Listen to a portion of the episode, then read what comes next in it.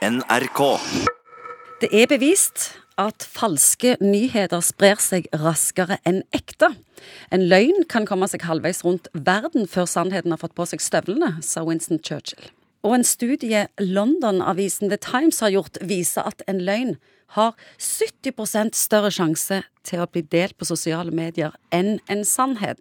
Hva handler dette om, psykolog Egon Hagen, hvis vi går kun psykologisk til verks og glemmer det politiske? Ja, Det som jeg tror er at vi jakter på det outrerte og det sensasjonelle. Og løgnen er jo ikke plaga med sannhetens begrensninger, og kan sånn sett være mye mer spenstige.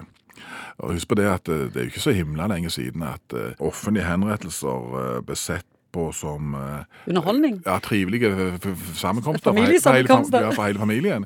Så det er jo noe et eller annet djupt nedi oss hvor vi på en måte jakter etter det der, det der hinsides og det outrerte og det spektakulære. Altså.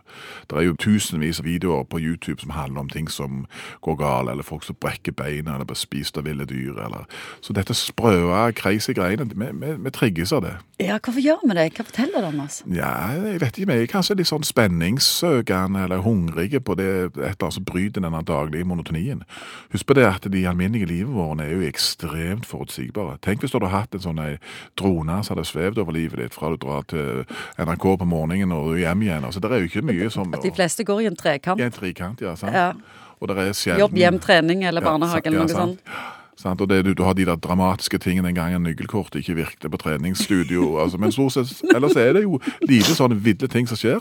Så derfor har vi kanskje en sånn en eh, morbid dragning noen ganger mot dette sensasjonelle. Når vi er sammen med andre, er vi mindre kritiske enn når vi er alene. Ja, det er nok sikkert en sånn flokkmentalitet. Det kan godt være at noen kunne overlevd og sett på en tyrefekting sammen en hel haug med ville spanjoler, men sitt der alene og se på det som foregår der nede, så tror jeg at eh, det ville fortont seg ganske annerledes. Det som jeg tror kommer til å skje, er at eh, vi er nok i en sånn brytningsfase. Før var det jo sånn at det som sto i avisa, det var sant, eller det som sto på en eller annen skjerm, var sant. Nå er vi i en fase hvor faktisk det å fabrikkere, enten av politiske grunner eller opinionsmessige grunner, så kan det å fabrikkere usannheter være, og, og i forhold til business, kan være en måte å svekke, påvirke kurser på osv. osv. Tror vi kommer til å komme inn i en situasjon hvor folk kommer til å bli mye mye mer mediekritiske. Fordi at ellers så kan vår egen naivitet, vi henger litt sånn 10-15 år tilbake i tid, bli brukt. Så sier du nå at fake news vil avta etter hvert. det, nå er vi nok litt sånn helt i starten på dette, og bare dette begrepet er jo egentlig ganske nytt. Men jeg tror at folk i større grad må bli sin egen bullshit-redaktør. Altså finne ut hva, er du, hva kilder er du velger å stole på, og hva kilder er du ikke kan stole på. Det å måte sørge for at du har filtre som fungerer i forhold til hva type informasjon du tar inn, det tror jeg, det, det tror jeg vi kommer til å bli mye, mye flinkere til i tida som kommer.